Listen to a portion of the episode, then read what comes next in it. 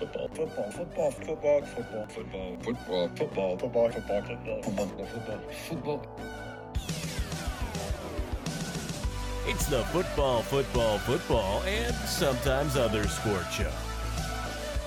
Here's your host, AJ Nicoletti. What up? FFFSOSS.com at FFFSOSS, Twitter and Instagram, twitter.tv slash Asian 3 off the rip. It's not, it's not a, it's not one of these big shows, you know, for a show after, uh, uh, the Super Bowl recap. So we'll do NFL headlines. We'll do a little coaching carousel update. Then heavy soccer. Okay. Heavy, heavy soccer with a look at the first wave of Champions League round of 16 first legs. Then we'll do a weekend soccer preview. Plenty of college basketball to talk about. Um, and then some golf at the end of the program. So um, this won't be like one of those uh, early football ones where we're doing like an hour 40, hour 30, pushing it.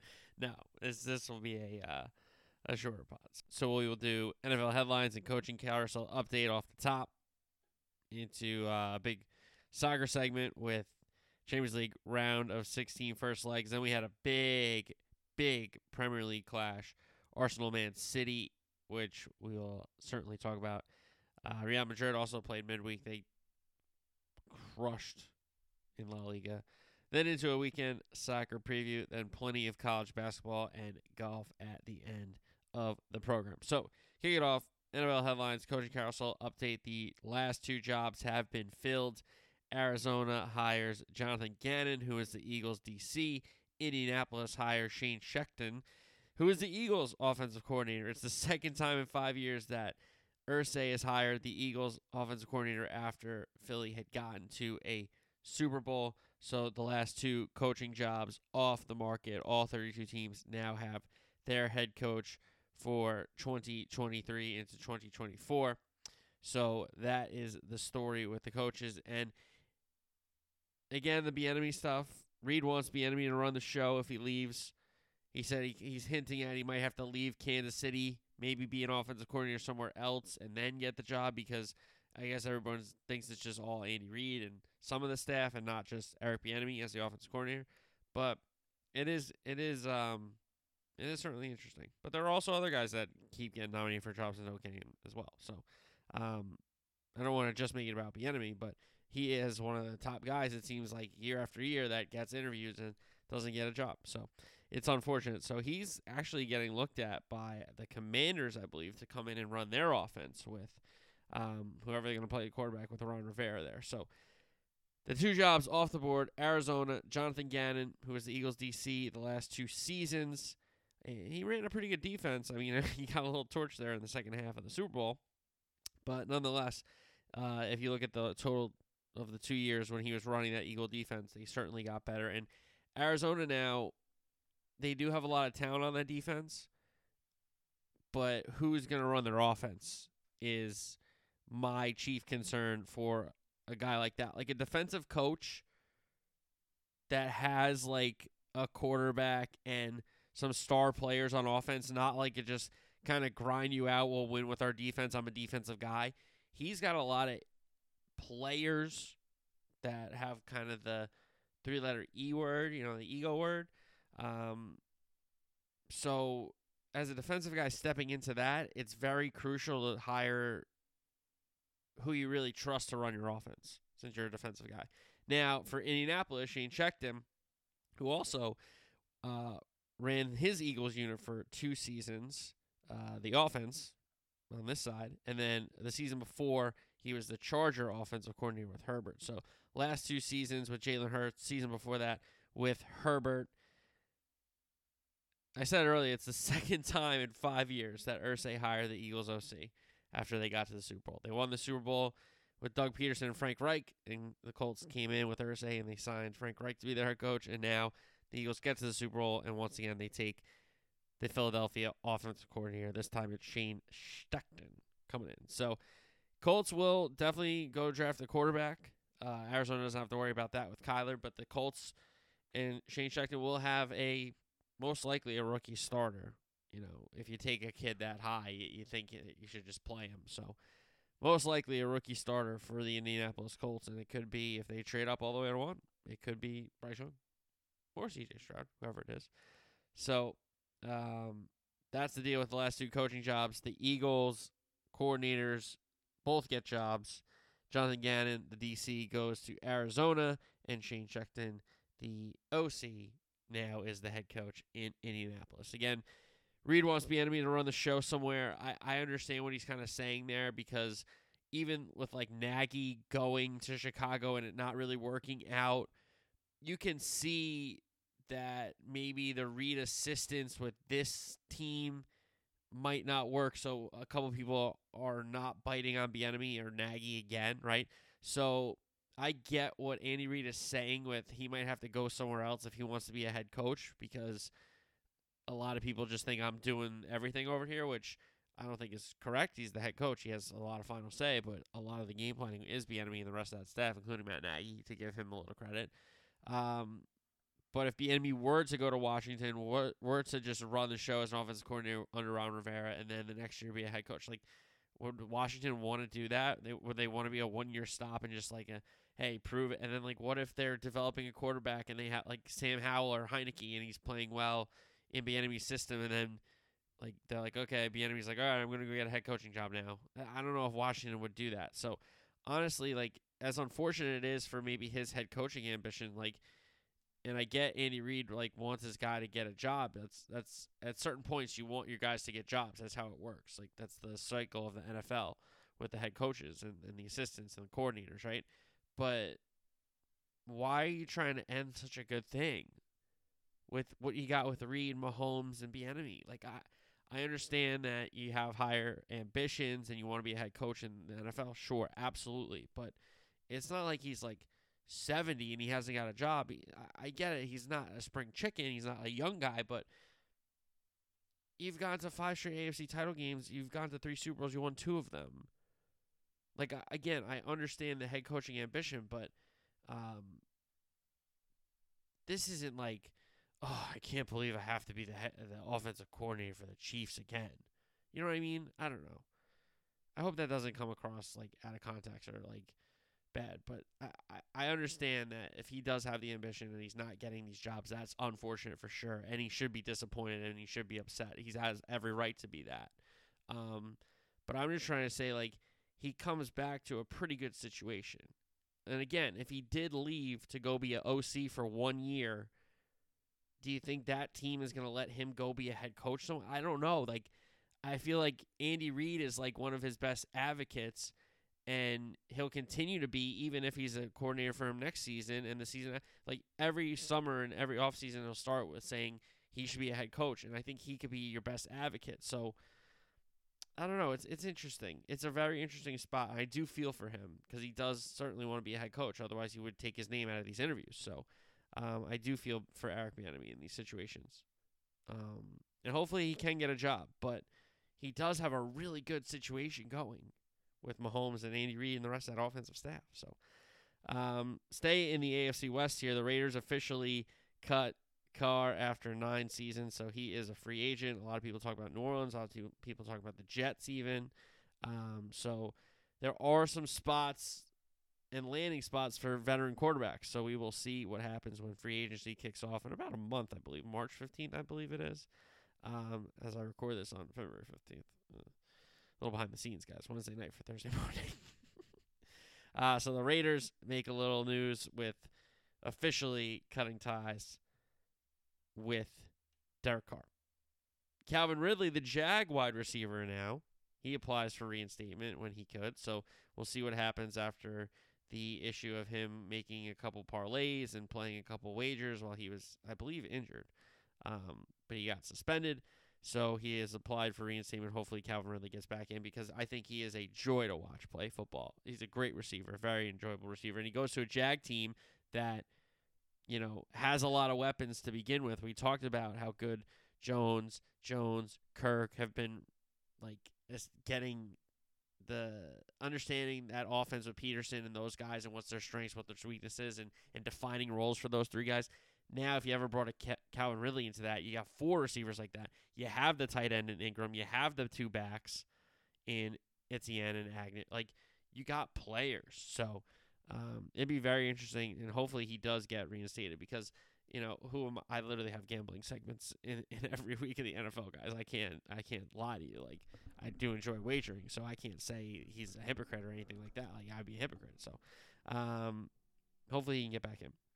Sean Payton made some news. Apparently, he's uh, going from Fox to the Broncos, as we know, and he wants to take Rex Ryan from ESPN to the Broncos to be his DC because he interviewed Rex Ryan for that defensive coordinator job in Denver. And what a cast of characters that would be with Rex Ryan, Sean Payton, and Russell Wilson. Holy, amongst the other knuckleheads in that Denver locker room that put up with Russ. So it would be interesting to see if Rex Ryan wants to get back into coaching, if that's something he wants to do. It seems like he's been enjoying TV, and I don't necessarily watch the ESPN shows because I don't really love a bunch of their talent, um, but that's okay. And from what I've heard from other people, he does a good job. It's not like he's been taken off shows; he keeps getting added to shows, if anything. So uh, that would be interesting to see if Rex Ryan wants to come back into coaching and not be a head coach, but be, be a DC. So um, that is for the current job in Denver. Vic Fangio got named the defensive coordinator in Miami, the former Denver coach, the former Bear DC. I think that's a really, really great move. Um, and I know people were like, Fangio is going to be an assistant for the Eagles, then get hired and be the DC after Gannon leaves. Like, well, I guess his notes didn't really work or help out with the Mahomes stuff because I, I, know he didn't throw for 300 yards, but he still did really well. Um, but I still think that Fangio, as a DC, you know, not have to worry about the offense, not have to worry about the whole team, not have to worry about all the the the game planning of everything and every little decision and when to challenge. Like him, just as a DC with a pretty talented Miami group, especially in the secondary. I think Baker's a good uh, player at that second level, and they also have some great line linemen Wilkins, of course, uh, and Phillips, the the youngster on the edge there. So I think that's a great hire for Miami, and it takes a little bit of pressure off Fangio coming off being that head coach because it's it's guys. I've made this point before when we're talking about coordinators and head coaches, and I, I make a point about Dan Quinn all the time. Some guys are just really, really great coordinators. And there's nothing wrong with that. You know, I, and and honestly, Dan Quinn got his team to a Super Bowl, and I know people are gonna be like, 28-3, they blew it. I, know they blew the lead, but the Patriots won the game for me. Like they had a couple holds. Uh, Ryan got sacked. He threw, I mean, he completes the ball to Julio Jones. So, but like Dan Quinn, you know, a guy like Norv Turner, um, some of these other, even like Rex Ryan gets the two AFC title games, but was he a great coach? And he didn't have a great stint in Buffalo, you know? So there are just a lot of coaches who are great, great coordinators, but not the best head coaches. And to me, that could be a Dan Quinn, you know? That could be a Vic Fangio. So, um, speaking of more hires, the Ravens hired Todd Monken as their offensive coordinator after they had uh, parted ways with Greg Roman, who interviewed with the Commanders, and they're also talking about Bieniemy that we mentioned earlier. So, Todd Monken coming from Georgia in uh, back-to-back natties, going to the Baltimore Ravens. So that will be interesting to see if that is a pro Lamar move, if that's like a we're gonna move on from Lamar. It's it's it's interesting to see from the Ravens. So, um, there we go with the NFL. We have the last two jobs filled by the Eagles coordinators. Um, I mean, and honestly, like when the teams wait that long, guys, and we talked about it a couple weeks ago before, like there were still jobs open. Like if teams are waiting this long, they're waiting for a certain guy to end their season. You know, so um, and apparently Arizona and Indianapolis are waiting for guys to end their season because they hired both Eagles coordinators coming off that Super Bowl loss to the Kansas City Chiefs. All right, um, so that's some of the coaching carousel moves, some of the NFL headlines, and now we move on to footy. We'll do Champions League round of 16 first legs, here uh, to start the soccer segment. Milan and Tottenham in the San Siro. It was Brahimi Diaz scoring Milan's lone goal. Tottenham didn't play poorly, but didn't take their chances, and they did only give up one, but they still gave up one and lost. That's nothing that they can't turn around once they get back to London. A 1 0 is not the worst thing in the world. And again, yeah, you would have loved a road goal, but those things don't matter anymore. So if you win 2 0, you're going through. End of story. So that's the story with Milan and Tottenham after their first leg. Then we had PSG in Munich, which a star studded affair. Messi got fit in time. I wasn't sure if he was going to be fit in time. Um, but he started, and Mbappe actually came off the bench, almost made a difference. But Munich, it was Kingsley Coman's lone goal that uh, gave Munich the 1 0 win in Paris. Coman against his former team, the French uh, winger in France, scoring for the German Giants. No celebration, which was very classy. And then Mbappe came on. He was he scores, but it comes back on VAR.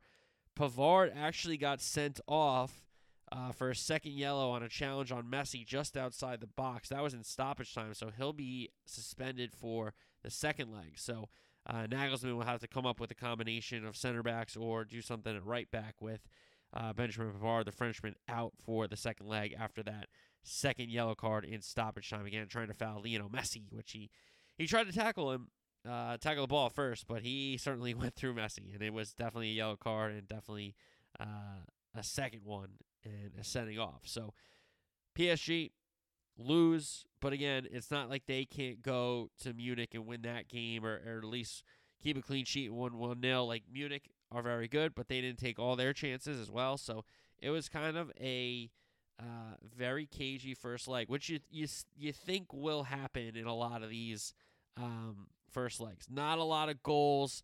You're not going to see like 3 2 in the first leg, most likely. Um, you see a lot of 1 nils or nil nils in first legs in Champions League. Uh, and we had 3 1 nils this weekend. Uh, this weekend, this Tuesday and Wednesday. Sorry. So uh, those were the matches on Tuesday. Milan winners 1 0, courtesy of a Diaz goal over Tottenham before they head back to London. And then PSG at home losers to Bayern Munich on a Kingsley Coman goal. Now, the Wednesday matches Dortmund hosted Chelsea at the Yellow Wall. Dortmund went at 1 0. Chelsea probably should have had multiple goals. Uh, Havertz had chances. João Felix had chances. Uh, Reece James, even. Fernanda. Like, Chelsea had a bunch of chances and could not capitalize. So it went to uh, halftime scoreless. And then in the second half, set piece for Chelsea. Havertz headed towards the back post. João can't finish it. And then uh, Adeyemi goes one on one the other way. One man counter first Enzo. He burns him. Then he goes around Kepa and he scores, does a front flip. And that was the lone goal in this first leg. So Dortmund, who probably should have been losing, uh, if not by one goal, at least one goal, maybe two goals, because João had a bunch of chances. Kai had some chances. And it was just, again, Chelsea just could not find a way to finish. And um, they lose in Germany. And it's, again, nothing that they can't turn around.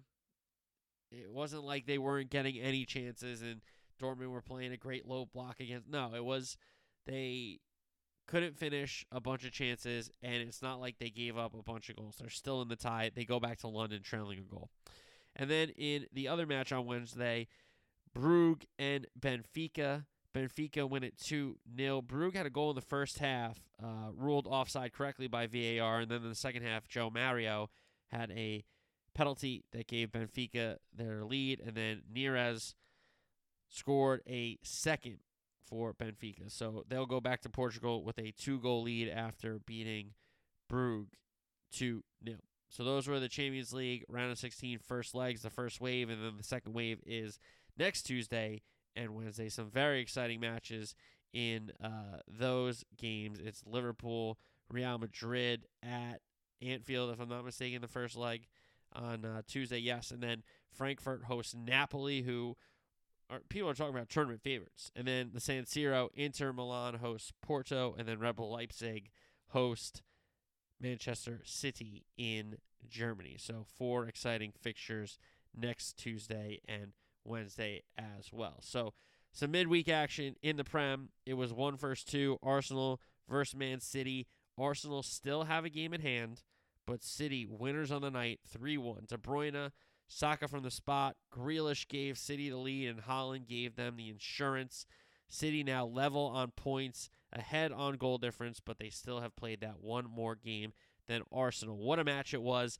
Tactically, uh, issues for Arteta and Arsenal, the host at the Emirates. Thomas Partey ruled out with a muscle injury, but they do have Jorginho for this insurance policy, so they plug him into the Partey role. He started Tomiyasu at right back, which I thought was an interesting call. You would have thought Ben White in this big game, but Ben White has had a couple mistakes in the last two games that I guess gave Arteta a little shake in his confidence. So he goes with the Japanese international Tomiyasu at right back. Obviously, Zinchenko is boy at left back.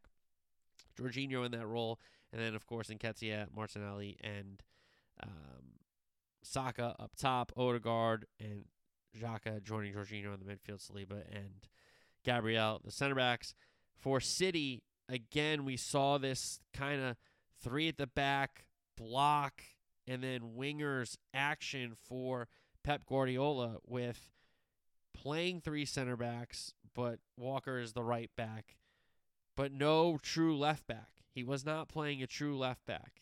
Uh, Dias and Ake were back there with Kyle Walker, and Bernardo Silva would kind of help out. Rodri would help out, but it was the block two of them, and then Gundogan and De Bruyne in front of them, with Grealish on the left, Mahrez on the right, and Haaland in front. And how City got their first goal was a long ball over the top with Haaland flicking it on towards Grealish, pressuring Tomiyasu. Tomiyasu not having time to look over his shoulder, just trying to force to play it back. And Kevin De Bruyne was there. Ramsdale comes out and De Bruyne loops it over him. A brilliant, brilliant finish by Kevin De Bruyne gave City a 1 0 lead. And then Arsenal coming the other way, playing Nketiah in. He tries to get a shot on goal, which he does. That gets uh, hit off the line, but Taylor points to the spot. He calls a penalty because Ederson knocked Nketiah down, which, if it happens anywhere else on the pitch, it is a foul. So give Anthony Taylor credit. Sakas takes up, uh, steps up to take the penalty, and with Ederson pointing at uh, the left corner for Saka to his right for Ederson, Saka just plays it right there, and Ederson goes the other way. It was mind games were very interesting, but Saka levels it from the spot. So one one, and we are tied at half. So then we go to the second half, and great pressure by City again. Another Arsenal mistake, another Arsenal turnover, and just so quickly flick on around the corner to Grealish, finish deflected, but it was going in. So Grealish gave City the lead. He was on a yellow. He almost ripped his top off, which would have got him sent off, which would have been very funny. Pep would have been pissed. But he gives City the 2 1 lead. And then another quick build up. De Bruyne cut back to Haaland off his left foot to his weaker right foot. What weak foot? Because he blasted him past Ramsdale. Uh, and that's how City got their third. And Arsenal had opportunities when it was 1 1. Arsenal had opportunities when it was 2 1. And they even had opportunities when it was 3 1. But they could not get more than one goal on the evening in North London. So, City, again, level on points, ahead on goal difference, but have played one more match than Arsenal. But we do have a new team top of the table, and it is Manchester City, who we know have been there more than once recently. All right, Real Madrid coming off their Club World Cup had to play a basically a makeup game because they were away at the weekend. They were at the Bernabeu against Elche. They won a 4 0. Asensio got the scoring started. Then Benzema had uh, penalties in the first half, so two in a row. And then Modric, a great strike towards the end of the game, got Madrid their fourth. All right, weekend soccer preview. Arsenal go to Villa Park, trying to lick their wounds, going against their former manager, Unai Emery. It will be very interesting at Villa Park. I'm sure that Villa will get up for their manager. They've had some better results with him coming in. Uh, that's certain for sure. And uh, I'm very, very excited to see this match. Arsenal just beaten at home by City still have that game in hand uh, for a little while. They have to now keep winning. They have to keep winning, and they, they have to have that extra game won and then give them the three points again. So uh, the three point lead. So we will see what happens with Arsenal. It's a big test right away again for Mikel Arteta. Is Partey back? When is Jesus coming back into the team? Does Ben White get another opportunity after Tommy Tomiyasu had the mistakes? A lot of questions for Mikel Arteta ahead of his uh, Arsenal Gunners traveling to Villa Park to take on Unai Emery's Aston Villa. That'll be an exciting game. Then we have a London Derby, Brentford and Crystal Palace. Again, I cannot compliment Crystal Palace enough. They play different styles, and Vieira has so many guys that he can play. He has so many young players that can play so many different roles and positions, and in the formation, he's very versatile with what he has in the squad. So when they play a team that I think they're kind of even with, or maybe even better than, and I'm, I do not even know if they're better than Brighton. Uh, sorry, Brighton, Brentford, because Brentford have been really, really good, and especially against good against big clubs. Now, London Derby in uh, West London for Brentford. I expect them to play well and at least get a result. I think it'll be a tie in that one. Brighton Fulham uh, on the South Coast. Fulham have had some good results. Um, it's not just Mitrovic scoring, which I think is really big. Willian chipped in.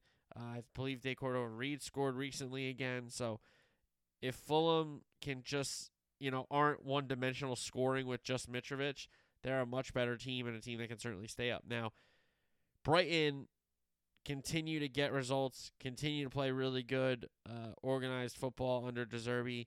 Uh, even when they lose play, it doesn't matter. And you got to expect them to at least get a result at home. I think they win the game. Chelsea, Southampton.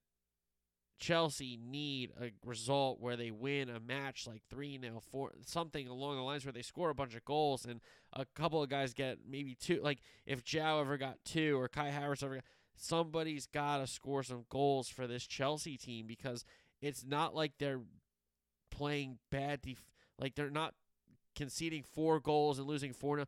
No, they're like losing 1 0 or, or nil nil draws or 1 1 draws. Like you need goals. So this is a big opportunity against a team in Southampton who apparently Jesse Marsch isn't going to coach. Uh, it was almost a done deal. It seemed like it was a done deal for a day plus before any news came out that Jesse Marsch was not going to be the coach at St. Mary's for Southampton. So uh, they go to Stamford Bridge to take on Chelsea, who coming off another performance where they did not score.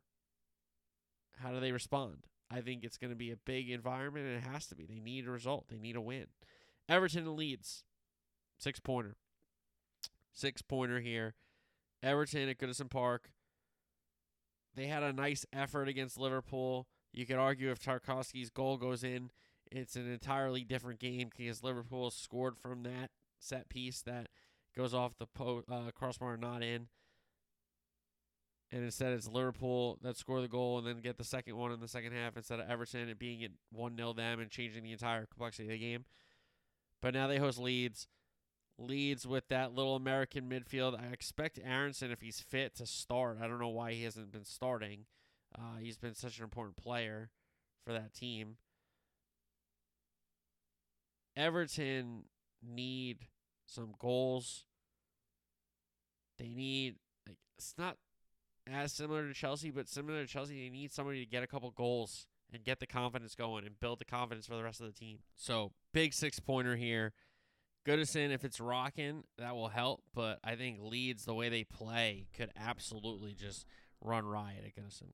Forest and Man City. Listen, the city ground for Nottingham Forest has turned into a very, very nice place for them to play some footy. Now, you bring in Man City, who's absolutely on a tear and they have Rebels Leipzig at the midweek. It's probably going to be a different team, a different formation from Pep to go against this Nottingham Forest team. He won't have to do the things tactically like he did against an Arsenal, against some other bigger clubs. So I think it will be a different, a change in chop side for City, especially with their midweek game against Leipzig, and they also played midweek on Wednesday here tonight.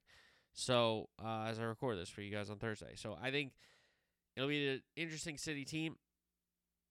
I think Forest will have to do a lot to get a result, and I don't think they will get the result. I think City at least win by at least a goal, if not two. Wolves and Bournemouth. Big game here. Wolves with Lopetegui at the Molineux. Bournemouth come in. They got another result. They got a draw uh, against Newcastle, which was a good result for them. So with Wolves and Bournemouth, again, a lot of points at stake here. A lot of points at stake. It's an interesting matchup. I like the way Wolves are playing right now. That's for sure. Newcastle and Liverpool, the big uh, primetime game, and uh, in in uh, England on Saturday. Newcastle's lone loss is to Liverpool at Anfield in stoppage time after they were wasting time and then got upset about uh, the stoppage time and stuff like that. So they'll be looking to beat Liverpool. St. James Park will be rocking, and I expect it to be a really good contest because Liverpool have seemed to have found a little bit, and um, that was a big win against Everton in a big game where they needed three points. And this is a really big stretch for Liverpool. They have City coming up, they have Real Madrid obviously coming up. Um, so this is the spot of the season where if Liverpool are going to do anything, they got to get back in it. And with this Newcastle game, Newcastle's a team that's in the top four that the spot's got to open up for Liverpool if they're going to make a run. And if they could take another three points off Newcastle and have two losses for Newcastle and both them being Liverpool, that makes up points for a lot of other teams. So it'll be really interesting to see. I'm excited to see if Liverpool can piece together again. Uh, but the Newcastle side is very, very good. And for them, they've turned a lot of losses into draws, and they haven't turned enough draws into wins. But they've only lost one game, so they're certainly in every game they play. Next up, Man U and Leicester City. Leicester City have been scoring goals and playing better. You have to give them a little bit of credit, but with Man U and Rashford, Ten Hag has figured out who's he playing where, what the formation is, when to rotate the squad because Man U, I understand they drew Leeds, but they were down two goals at Elland Road, and that was a good result to draw after being down two goals. And then they beat them at home, so uh, they technically won the home and home, right? Um, and now they host Leicester City. Leicester City conceded first last week and then scored four goals. So they can certainly score. I think United will try to focus on the clean sheet at Old Trafford, and then they'll try to nick the goal like they do with Rashford, going the other way. He's been brilliant for them since coming back from the World Cup. So I expect United to win this game the way they've been playing with Ten Hag. And then we wrap up the match day with Tottenham and West Ham. Very excited London Derby. Tottenham need results. They need to play better. Conte back on the sideline. I think that's big. Back in the building, you know, getting that squad to believe again. West Ham is an interesting spot. David Moyes is, you know, changing a lot of the roles of some guys. You know, Antonio's not the out and out striker anymore with Scamacca there and some other players. Um, you know, Lanzini isn't the same Lanzini anymore. Like, there's been guys in and out of the lineup. You know, to be fair, they got away with one last week with the Souček handball, but that's okay. So Tottenham West Ham at Spurs Stadium in North London. Very exciting one. That'll be a good uh, London derby on a Sunday. La Liga, Osasuna play Real Madrid. Atletico uh, host Athletic, and they're going to let them wear their home kits because to honor them because they were formed after them. I'm pretty sure. And then Barca hosts Cadiz FC. Barca in first in La Liga. Serie A, Sassuolo hosts Napoli, Monza hosts AC Milan, Inter at the San Siro hosts Udinese, Atalanta and Lecce battle in Bergamo, Salernitana Calcio hosts Lazio, Spezia Calcio hosts Juventus, and Roma in the capital play Hellas Verona. Bundesliga, Gladbach, Munich, Wolfsburg, RB Leipzig, Union Berlin, Schalke, and then Dortmund, Hertha Berlin. League and PSG play Lille at home in the Parc des Princes. All right, college basketball. Creighton, Providence. Providence win it in double overtime. Very exciting game at the dunk with uh, Kalkbrenner having a good game. Providence not having a ton of answers, but being able to go score for score basically. And then in the second overtime, they kind of took over. First overtime, both teams kind of had a chance to win. Even at the end of the game, both teams had chances to win. But the second overtime, Providence really took over. And you got to give Ed Cooley a ton of credit because that Big East is good. There's some good teams in that Big East that I think could do some damage in the tournament. So we'll see what happens there. As I record this, Bama and Tennessee are playing a great game in Tennessee, and then Xavier Marquette are in a war in Wisconsin. TCU Iowa State hasn't uh, tipped off yet, so there's the update there. Top 16 seeds as of right now uh, will be announced this Sunday, uh, weeks ahead of Selection Sunday, which is very exciting. You see where the committee's kind of at. You see who they think is better than their record. You see who they're not including at the top of the polls that they think isn't as quality a team as maybe some other people think. So it's very interesting. Uh, but my guy Dick Weiss, who we had on the old show M and A, which was a great, great interview, an awesome sit down with the legend Hoops Dick Weiss, who's written for a bunch of papers in this country, right? Uh, he released his own top 16. So his one seeds are Alabama, Purdue, Kansas, Houston. You can't really argue. You could maybe chop and change a little bit, but those are some good choices for sure. Uh, his two is Arizona, UCLA, Texas, and Baylor. So two Pac 12 teams, two Big 12 teams. The three is Tennessee, Virginia, UConn, Marquette. So the Big East makes their appearance there with two teams. Then Creighton has in the four list, along with Gonzaga and St. Mary's and Indiana. So Purdue and Indiana representing the Big Ten. Uh, you have Houston in there. You have Gonzaga in there. You have St. Mary's out there outside the Power uh, Six, you could call them. Uh, plenty of teams from the Big 12 with Kansas, Texas, and Baylor. You do get the Pac 12 represented with Arizona and UCLA.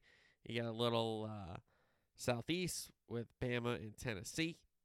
Again, the Big East. I, honestly, I could I could see Utah, UConn, especially if they have a really good Big East tournament, winning it, sliding up to a two seed for sure. The way they started the season, and I understand like Big East play is very tough, but you're gonna lose some games in conference. That's just that's just what happens in a lot of these conferences. Like if, if you're one of these teams that starts off hot, like there's not a lot of teams that go to become 22 and 0, 23 and 0. It's just that's very very difficult. I mean, it's very very difficult. So those are the legend hoops, the man Dick Weiss, his top 16, which I don't necessarily disagree with. Those are uh, I I can't I wouldn't be like, what are you doing talking about hoops? You don't know. Like that's crazy. You guys know a ton of basketball.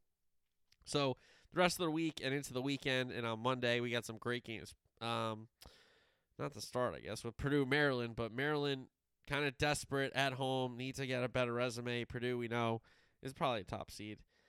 Utah and Arizona. Big one for Utah. They play Arizona and then they play Arizona State this weekend. A little bit later, we'll touch on that one, but uh, it's a big swing for Utah. Can they get? Can they split? Can they get two wins? Just don't go 0 for 2 in this Arizona swing. Illinois and Indiana, always a battle, always a great, great game, um, and a game that so many, so many people care about. That big rivalry in the Big Ten. Rutgers, Wisconsin, two desperate teams. Wisconsin probably needs to win two, three, four more regular season games and have a couple wins in that Big Ten tournament. Rutgers, who might have one of the best wins in the country away at Purdue in Mackey, and they're just very unfortunate that they've lost three in a row in conference and a couple of them at home, which isn't good enough. So um, they uh, go to Wisconsin. Tennessee, Kentucky, big game. Iowa State, Kansas State, big game. Oklahoma State, TCU, big game. Kansas and Baylor in Allen Fieldhouse. I mean, that's a gigantic game. Top 10 game. And the best game in the Big 12 this year, for sure. Kansas and Baylor in uh, Phog Allen. Utah and Arizona State, Iowa Northwestern will be a war, and then you got Kansas TCU on Big Monday, if I'm not mistaken. So Baylor and Kansas definitely the highlight of the weekend. Make sure you're watching that one. Um, that'll be a great game. That'll be a very very exciting game. Then we got uh, golf here. Genesis Inv- Invitational this week at Riviera. Tiger hosting. Tiger back. Very good to see Tiger Woods back. Uh, he said he's gonna he's playing an actual PGA Tour event, not just the major. Uh, and also early this week he was at LA Country Club doing a little scouting. So that's always good to know. With uh, that being the U.S. Open venue this year, he's in LA. Might as well take a little take a little drive over to LA Country Club from Riviera. So uh, Tigers won there. We know how many times he's he's competed there and won there. And uh, him being back, everybody's excited about that. Everybody loves some Tiger Woods, that's for sure. So big field, 19 of the top 20, 23 of the top 25. The only two missing from the top 25 the LIV players Cam Smith and then last year's Genesis champion Joaquin Niemann. So unfortunately the champ is out. So um we'll see what happens with golf this weekend. Good tournament, good field, good course, iconic course, mainly an iconic type of tournament. So, uh, very very exciting time in, the world of golf with Tiger coming back and uh, in this swing ahead of Augusta. We'll have the players coming up soon, and uh, as they get more and more prepared for the Masters. And we love golf. We love golf on this show, that's for sure. So again, not the deepest show. Um, I didn't wait till these games were over on Wednesday. I wanted to watch them. To be fair, so uh, that's why we didn't talk about the final scores in this college basketball segment before we looked ahead to the weekend. So, uh, good college basketball weekend. Hopefully you can enjoy it. But if you got to do some other things, maybe you can you can skip this weekend. Just try to watch one game, I guess you could say. So try to try to make sure you get that uh, Kansas Baylor game. So all right, uh, everybody have a great weekend. Enjoy some college basketball. Enjoy some footy. We'll talk more Champions League next week. Ahead of some more round of 16 first legs. So uh, have a great weekend, everybody. Talk to you next week. Until then, peace.